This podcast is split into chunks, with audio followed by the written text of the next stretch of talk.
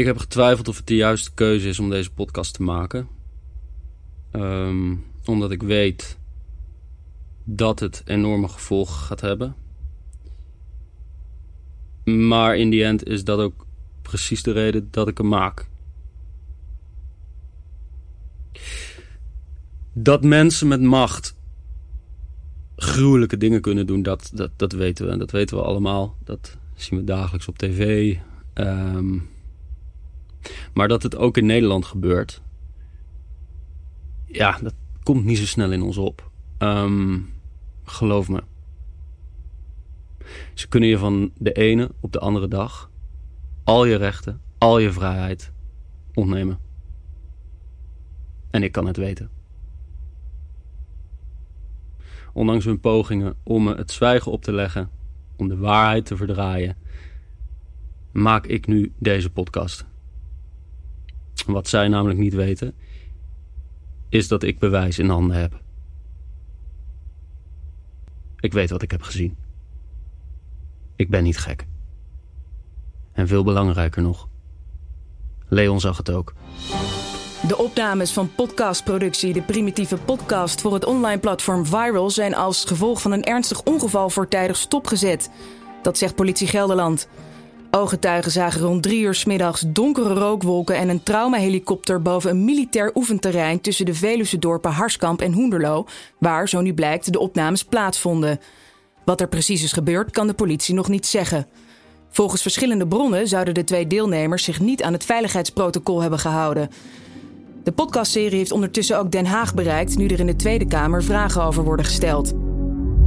Mijn naam is Max Monnikenberg en dit is een podcast die nooit gemaakt had mogen worden. Maar al hadden ze me het tiendubbele betaald om mijn bek te houden. Ze krijgen waar ze om vroegen. Er is nog maar één ding dat ertoe doet. En dat is de waarheid.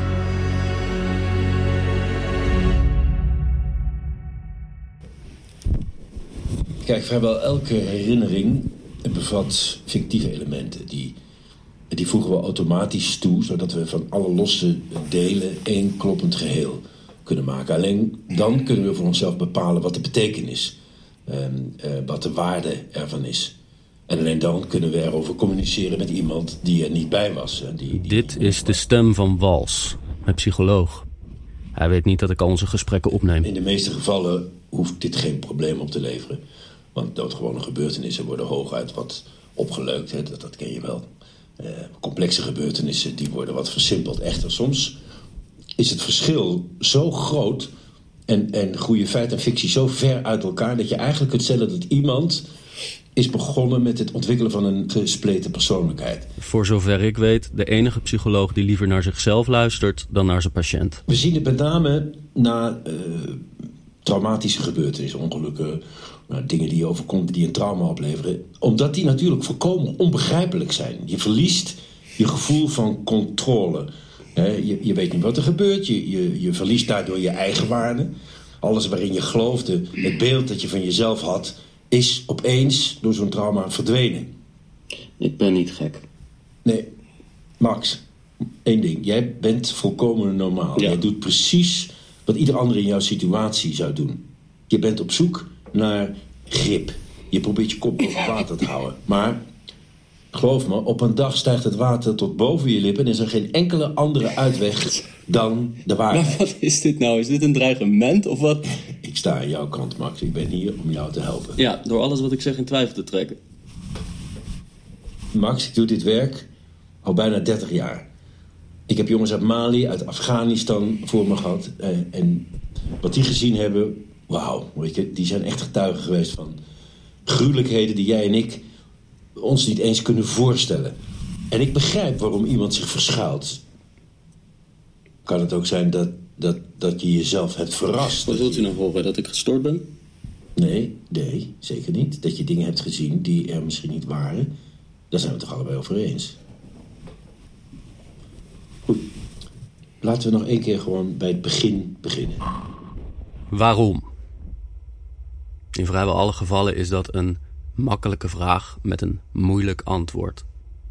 Het antwoord op waarom is meestal dat het onmogelijk is om een exact begin aan te wijzen. Want je hebt niks door En voordat je het weet, zit je er middenin en kun je geen kant meer op. En zaken waarvan je dacht dat ze niets met elkaar te maken hadden, blijken opeens onlosmakelijk met elkaar te zijn verbonden. En dat was eigenlijk altijd al zo. Wat het antwoord op de vraag waarom ook is. Op vrijdagochtend 7 mei kreeg ik het telefoontje waar ik ja op zei. Ik schrik wakker op een bank in een vreemd huis. De vloer bezaaid met peuken en bierflesjes. Hallo? Goedemorgen, Max. Je spreekt met Milan de Jonge. Ben ik gelegen? Eh, dat ligt er heel erg aan voor je belt. Ja, ik bel met geweldig nieuws. Het gaat over de, de primitieve podcast. Sorry, wat? Ik, dit is Max Monnikenberg, toch? Ja, ja, ja. Ik heb jouw naam en nummer doorgekregen. Van wie? Van Sarah. Sarah? Sarah Bartok van Viral. Oh, Ze zit me nu echt heel eh, verbaasd aan te kijken, Max. Alle borrels, alle feestjes, alle afterparties en rookpauzes en gesprekken bij de koffieautomaat van de Unie en alle Sarah's van de afgelopen tijd flitsen over mijn netvlies. Maar dan, Oh, Sarah! Uit Groningen! Ja. Ik... Sorry. Sarah, jezus. Kijk, we worden wakker, we worden wakker. Stom, sorry. Nee, sorry. Het spijt me. Ik, eh, ik zit, eh, ben in een totaal andere setting nu. Ik, eh, heb je één momentje? ja, ja, ja, zeker. Ja, absoluut. ik liep Sarah Bartok tegen het lijf tijdens het uitgaan in Groningen. Al kan ik me daar echt bar weinig van herinneren. Ja, eh, dat het één knappe meid was, dat weet ik nog wel heel goed. Maar wat ik me vooral herinner van die avond... is de ruzie met mijn ma ervoor. Eh, ik heb heel wat ruzies met mijn ma gehad, absoluut. Maar deze was memorabel. Aanleiding was dat ik wederom een tentamen niet had gehad. En mijn moeder daarop besloot dat ik vanaf dat moment alles zelf maar moest betalen. Eh, dus belde ik mijn pa.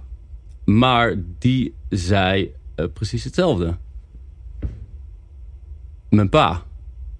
Het kan niet anders dan dat die twee een deeltje met elkaar hebben gesloten. Dat kan niet anders. Ehm, dat terwijl ik dacht dat ze elkaar nooit meer spraken. Maar goed, eh, ik heb ze de huid volgescholden. Ik heb mijn ma doodgewenst. Ik heb een pak kook besteld. Mezelf volgegoten met drank. En toen ontmoette ik Sarah Bartok.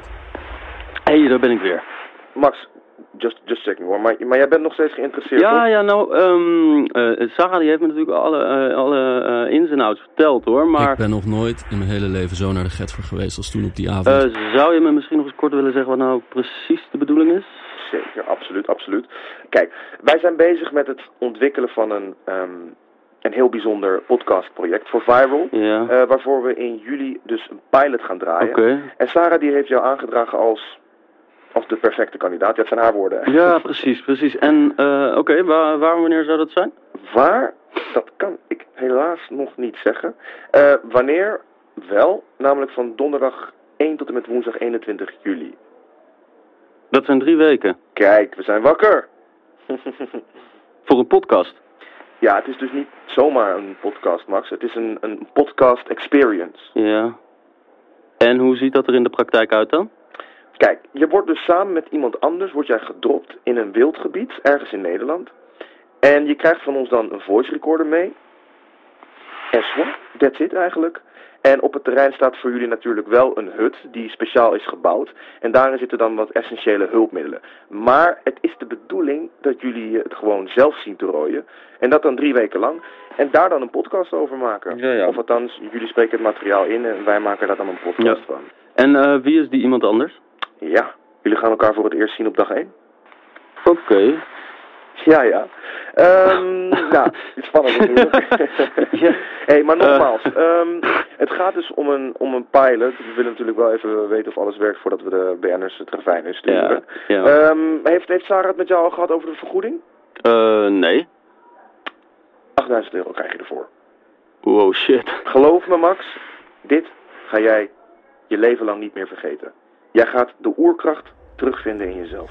Oerkracht. Dat woord was blijven hangen. Dat was waar Sarah het ook steeds over had gehad. hey, hoe zit jij? Ik doe even een voorstel. Begin komende week. Dinsdag 1 juni om 2 uur. Voor wat? Voor een intakegesprek op het kantoor van Viral. En als het dan klikt, dan doen we daarna even de medische check. Een medische check? Ja, we gaan natuurlijk niet zomaar de eerste de beste de wildernis insturen, Max. nee, natuurlijk niet. Um, ja, ja, dat gaat wel lukken, denk ik. Dan zien wij elkaar dinsdag. Superleuk, man. Ik heb er zin in. Heel veel zin in eigenlijk. Ik ga je het adres geven, ja. ga ik je op dit nummer... Kan ik je... Ja, dat kan op dit nummer gewoon. Ja. En nogmaals, het gaat dus om een pilot, dus we willen je wel verzoeken om heel uh, discreet met deze informatie om te gaan. Dus nog even niets op social media en zo. Nee, ik weet van niks. Super, fijn. hey, dan zien we jou dinsdag. Ja. Nou, ik kijk er naar uit, man. Ik ook. Hey. Doe de goed aan Sarah, hè? Joe, Fijn weekend, Max. Doei. Oké, de meeste mensen lullen een boel, maar er komt niks van terecht. Sarah Bartok was dus niet zo iemand. Uh, ja, had ik verwacht ooit nog iets van haar te horen? Nee, natuurlijk niet. Ik, ik zelf was al lang vergeten dat ik haar ooit had ontmoet. Had ik dan misschien te snel ja gezegd? Uh, ja, absoluut. Maar ik lag daar op die bank en ik voelde aan alles dat ik nu niet moest terugkrabbelen. De primitieve podcast. Max Monnikenberg, drie weken in een of ander fucking oerbos, ja. Er voor 8000 euro. Ja, dit zou een verhaal opleveren waarmee ik mijn leven lang indruk kon maken. Let's go back to the bare basics. Twee wildvreemden, 21 dagen in de wildernis. Met niets anders dan een voice recorder. De primitieve podcast luister je binnenkort op Viral.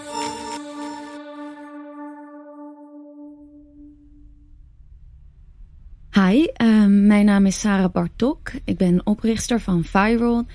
Op Viral plaatsen we artikelen, podcasts, ook fotoreportages en ook livestreams. Allemaal met uh, als oogpunt om op een toegankelijke manier in te spelen op de actualiteit. Want ja, ik vind het belangrijk dat jonge mensen nadenken over de maatschappelijke struikelblokken van deze tijd.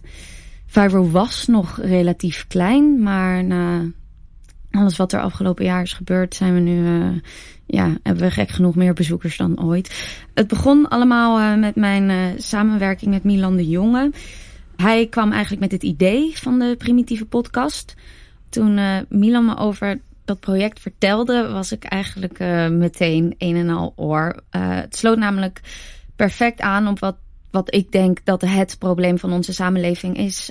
namelijk al onze spullen, um, constant prikkels en altijd maar alles binnen handbereik hebben en alle keuzes niet te vergeten. En waar ik aan bod kwam was uh, Milan vroeg mij om uh, geschikte kandidaten voor te dragen voor de pilot.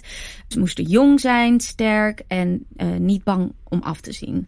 Dus nou, dat uh, heb ik opgeslagen en ik ben lekker gaan ronselen. En uh, voordat ik het wist, had ik eigenlijk best wel een behoorlijke lijst met gegadigden.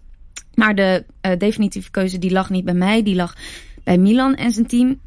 En zij kozen voor Max en Leon. Iedereen liegt. Wat dat betreft maakt het ook niet zo heel veel uit. Um, een leugentje hier en daar maakt het leven leuker en makkelijker voor iedereen. Maar er is een uitzondering en dat zijn de grote leugens. Ingenieus ontworpen door harteloze masterminds die zich verschuilen achter de muren van banken, bedrijven, overheidsinstellingen. Waarom? Macht. Macht natuurlijk. Geld en macht. Of gewoon voor de lol. Ja, ik weet niet hoor, maar macht maakt mensen gek. Het is een verslaving. Het is nooit genoeg. Het moet altijd meer. Mensen met te veel macht zijn in staat tot hele rare dingen. Max leek me dus in eerste instantie niet echt de ideale deelnemer. Maar hoe langer ik naar hem luisterde, hoe meer ik dacht: ah, dit, ja, oké, interessant. En um, nou ja, het had hem duidelijk nog nooit aan iets ontbroken. Hij was, uh, mogen we wel zeggen, ronduit verwend. En uh, hij had in zijn leven heel weinig tot uh, geen tegenslag gehad. En het begon nu toch een beetje tegen hem te werken. Um, ja, dat zou wel echt interessant materiaal opleveren. Daar was ik heilig van overtuigd. Leeftijd 25. Lengte 1,82. Gewicht 70 kilo. Chronische ziektes? Nee. Afhankelijk van medicijn of drugs? Mm, nee. Psychische zorg? Nee. Alcohol? Uh, ja, nou ja, iets meer dan ik zou willen, maar niet problematisch of zo. Sigaretten, hetzelfde verhaal. Uh, vervolgens werd er speeksel en een buisje bloed afgenomen. Uh, ja, het was eigenlijk net alsof ik bij de SOA-poli zat. Na een week kreeg ik een mail waarin stond dat mijn fysieke en mentale gezondheid waren goedgekeurd. Bijgevoegd was een contract dat ik digitaal kon ondertekenen en daarmee was de deal rond. Van 1 tot en met 21 juli zou ik samen met een wildvreemde kamperen in een wildgebied ergens in Nederland. Twee weken later volgde een tweede afspraak op het kantoor van Viral om mijn voice recorder in ontvangst te nemen. De heilige graal, zoals Milan hem noemde. Doet hij het? Ja, I think so. Het is zo'n simpel ding dat ik er geen reet van begrijp, joh. hij is, hij is uh, waterproof en super zuinig. Uh, de batterij gaat de hele dag mee. En kijk, wacht. Dit is mega handig. Je kan hem dus gewoon aan je broek vastschespen. Uh, ma mag geef, ik... Geef, geef hem eens. Alsjeblieft. Kijk. Mm. Dames en heren, dan is de eerste opname van Max Monnikenberg een feit. hey, uh, proost! Proost! Eén dag voor vertrek kwam er een arts bij me langs in Groningen. Die me een tetanisprik gaf. En me alvast mijn armband omdeed. Om, uh, om er zeker van te zijn dat er geen allergische reactie zou optreden. Het is in principe net als een uh, Apple Watch. Behalve dat je hem dan niet zelf kan afdoen. Dus je fysieke toestand wordt 24-7 door ons gemonitord. En nou ja, bij het minste of geringste zal er natuurlijk worden ingegrepen. Oh, in de hut is er uiteraard ook een noodknop aanwezig hoor. Maar we gaan ervan uit dat je die niet gaat gebruiken. Maar mocht het toch gebeuren, dan zijn wij met onze heli binnen 10 minuten ter plaatse. Nou, Nou, niet schrikken, dan komt er nu een prikje. Dit was het moment. Hier, Niet schrikken, dan komt er nu een prikje. precies op dit moment, gebeurde het. Max Monnikenberg, hoe kon je zo blind zijn? Nou, het was 1 juli. Dat was de dag dat ik eh, Leon en Max om's de beurten naar de rand van het wildgebied heb gereden. Eh dat was op de Veluwe. Nou ja, dit gebied was normaal gesproken bestemd ehm, of diende als eh, militair oefenterrein. Maar de komende drie weken was geregeld dat het helemaal van hen zou zijn. Eh, van Max en Leon dus. Uiteindelijk gingen we dan van de provinciale weg af. Kwamen op een onverhard pad en dat leidde het bos in. Eh, nou, dat reden we, reden we, reden we. En dan, ja, totdat het pad ophield. En eh, aan het eind van het pad stond een eh, waarschuwingsbord, weet ik nog, met een doodshoofd erop. En de tekst: Pas op, militair oefenterrein. Ehm, vanaf daar zouden ze zelf het laatste stuk moeten lopen. En dat was allemaal heel duidelijk, want Milans productieteam die had een route uitgestippeld door de bomen te markeren met een band van witte verf. En het was 40 minuten lopen het bos in en dan zouden ze vanzelf op de open plek komen waar hun hut stond. En nou, dat was het dan. De primitieve podcast was nu echt officieel begonnen.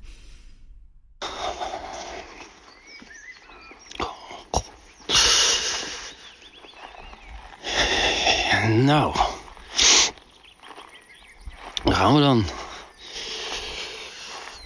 Dag 1. Ja, ik heb er gisteren natuurlijk nog even goed van genomen, dus... eh had ik misschien beter niet kunnen doen.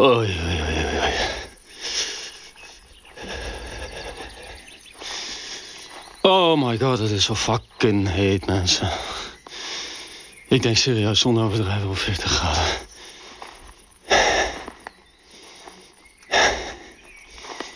Ik heb eh, net, eh, toen ik mijn telefoon nog had, nog heel even gecheckt.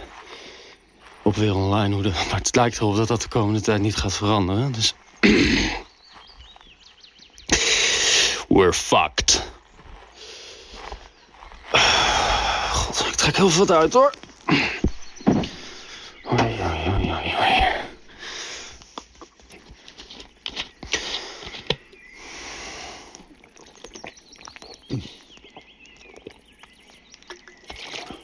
Oh.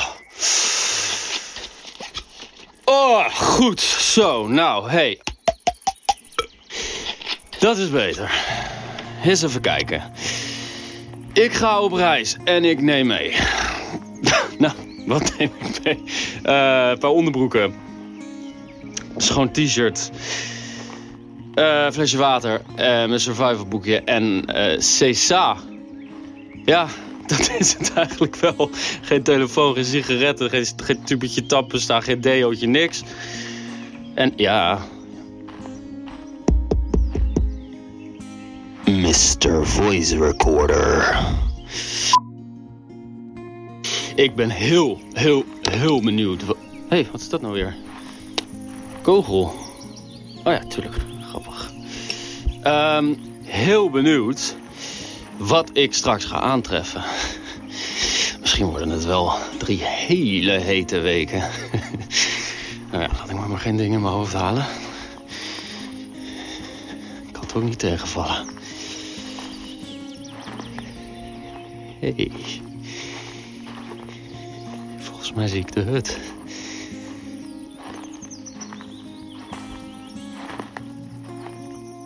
Ja hoor. There we go.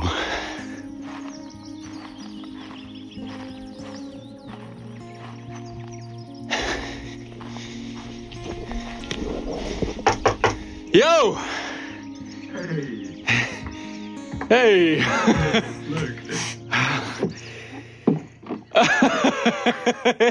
is, is dit het? Ik, uh, ik had eigenlijk op iets mooiers gehoopt. Sorry? Ja, iets meer ronde vormen, snap je? Oh ja, aha. Uh, wacht maar, toen mijn buiten erop zit volgende week, hè? dan uh, val je als een blok voor me. Leon. Leon, oké. Okay. Hey. Hey, aangenaam. Max, Max. Zo, wat een gigantisch terrein, man. Dat is niet normaal. En al die kogels, what the fuck? Insane, hè? Ja. Nou, uh, kom binnen. Oké. Okay. Welkom, welkom in ons nederige stulpje. Jee, zo zo. Ja, dat is best prima, toch? Ik, uh, ik heb dat linkerbed alvast gepland. Is dat uh, oké? Okay? Dat is helemaal oké, okay, natuurlijk. Top. Uh, ja, als jij installeert, dan, dan ga ik wel even een lekker theetje zetten. Oké. Okay. Hou je een beetje van brandnetelthee? Eh, helemaal nooit gehad, maar het is helemaal, helemaal goed. Ik van de brandnetels. Ik heb gelijk mijn hele week ingeslagen. Trouwens, verderop, heel oerwoud van braamstruiken ontdekt. Dus Heerlijk, kunnen we lekker snoepen. Leon was net terug van twee jaar Zuid-Amerika en hij zei dat hij een maand in de jungle van Peru had gewoond. Bij een inheemse stam. Ja, ik vond, dat, uh, ik vond dat eerlijk gezegd nogal een sterk verhaal. En mocht het waar zijn, toen ik ooit met mijn maat in, in Marokko een nachtje bij de nomaden bleef logeren, in de fucking Sahara, werd er ook gewoon een koelkast met pils tevoorschijn getrokken. Oké, nou, Leon dus. En Leon is alweer verdwenen. Die is uh, nou, thee zetten buiten. Wauw. Nou, deze hut is gewoon helemaal prima, joh. Puntdakje erop. Plaatselijk het gezellig. Er zit een, zit een bangetje op de muur. Oranje met rood, net als bij mijn oma thuis. Lampjes boven de bedden. Bloemetjes, gordijntjes. Ze hebben gewoon echt helemaal hun best gedaan. Maar wauw, kijk dit nou even, jezus. Oké, dames en heren, de show hier wordt echt gestolen door... Uh... Oké, als je binnenkomt, dan uh, staat daar een kast. En op die kast staat een stuk hout met daarop een opgezette... Ja, wat de fuck is dit eigenlijk? Um... Een wezel. Is dit een wezel? Jazeker, hij heet Klaus. Klaus! Nou, je hebt het ook niet moeders mooiste, hè? Godverdomme, man. Je oogjes staan echt niet oké dicht bij elkaar, vriend. Dit is zo fucking disturbing. Hé, hey, achter Klaus zit... Aha, dat moet de noodknop zijn. In het kastje zaten twee lades. In de bovenste konden de voice recorders s'nachts opgeladen worden aan een snoertje. Uh, bovenop het dak zat een zonnepaneel. Voor elke dag hadden we één geheugenkaartje per persoon. Die zaten allemaal in een bakje. En daarnaast lag een plastic map met allemaal gleufjes aan de binnenkant. 21 links voor Leon en 21 rest voor mij. Waar we de volle kaartjes in konden stoppen. De dagen stonden erbij geschreven. Het zag er uh, ja, allemaal heel overzichtelijk uit. Het leek op zo'n map waarin je vroeger euro's spaarde. En in de onderste la zaten wat gebruiksvoorwerpen. Het gebruik van de noodknop. Dat was trouwens niet zonder gevolgen. Uh, de pilot zou direct worden afgekapt en ongeldig worden verklaard. Hiermee wilde Milan de boodschap van zijn concept extra kracht bijzetten, zei hij. Eén druk op de knop, Al was het op de laatste dag. En alles was voor niets geweest. Zowel voor het productieteam als voor mij trouwens. In plaats van 8000 zou ik 250 euro krijgen. Het is denk ik een, uh, een uurtje of tien. Uh, het, het, begint donker te worden. En, maar goed, dit is hilarisch. Die gast, die is gewoon verdwenen. Die, die gast is echt gestopt. Hij loopt gewoon vol die braafstruiken in. Zonder t-shirt, op blote voeten. What the fuck? Sorry. Maar dan komt hij bye bye. Keek je tegen hem op? Tegen Leon? Ja. Natuurlijk, hij heeft mijn leven gered. Kan het zijn dat je hem hebt geromantiseerd? Ja, dat kan. Ja, maar zou dat wat uitmaken? Nou, als jouw schuldgevoel over wat er gebeurd is ervoor zorgt dat je de feiten verdraait om, om, om het niet te zien of om het niet om, onder ogen te hoeven komen, om jezelf dat te besparen en misschien om een ander de schuld te geven, dan maakt dat zeker wat uit. En je zou het jezelf een stuk makkelijker maken, Max, als je dingen zou zien of willen zien zoals ze zijn. Het ding van grote leugens is... ze zijn zo groot dat ze onzichtbaar zijn. Je kunt ze niet aanwijzen of zo. En de meeste mensen zien ze daarom ook helemaal niet. Die, die zijn de hele dag alleen maar bezig met... ja, alles wat ze wel zien. Echt, geef ze eens ongelijk. Onwetendheid is zalig. Dat zei mijn opa altijd. Er moet iets gebeuren wil je net zien. Je moet worden wakker geschud. En dat ben ik nu. Ik ben klaar wakker.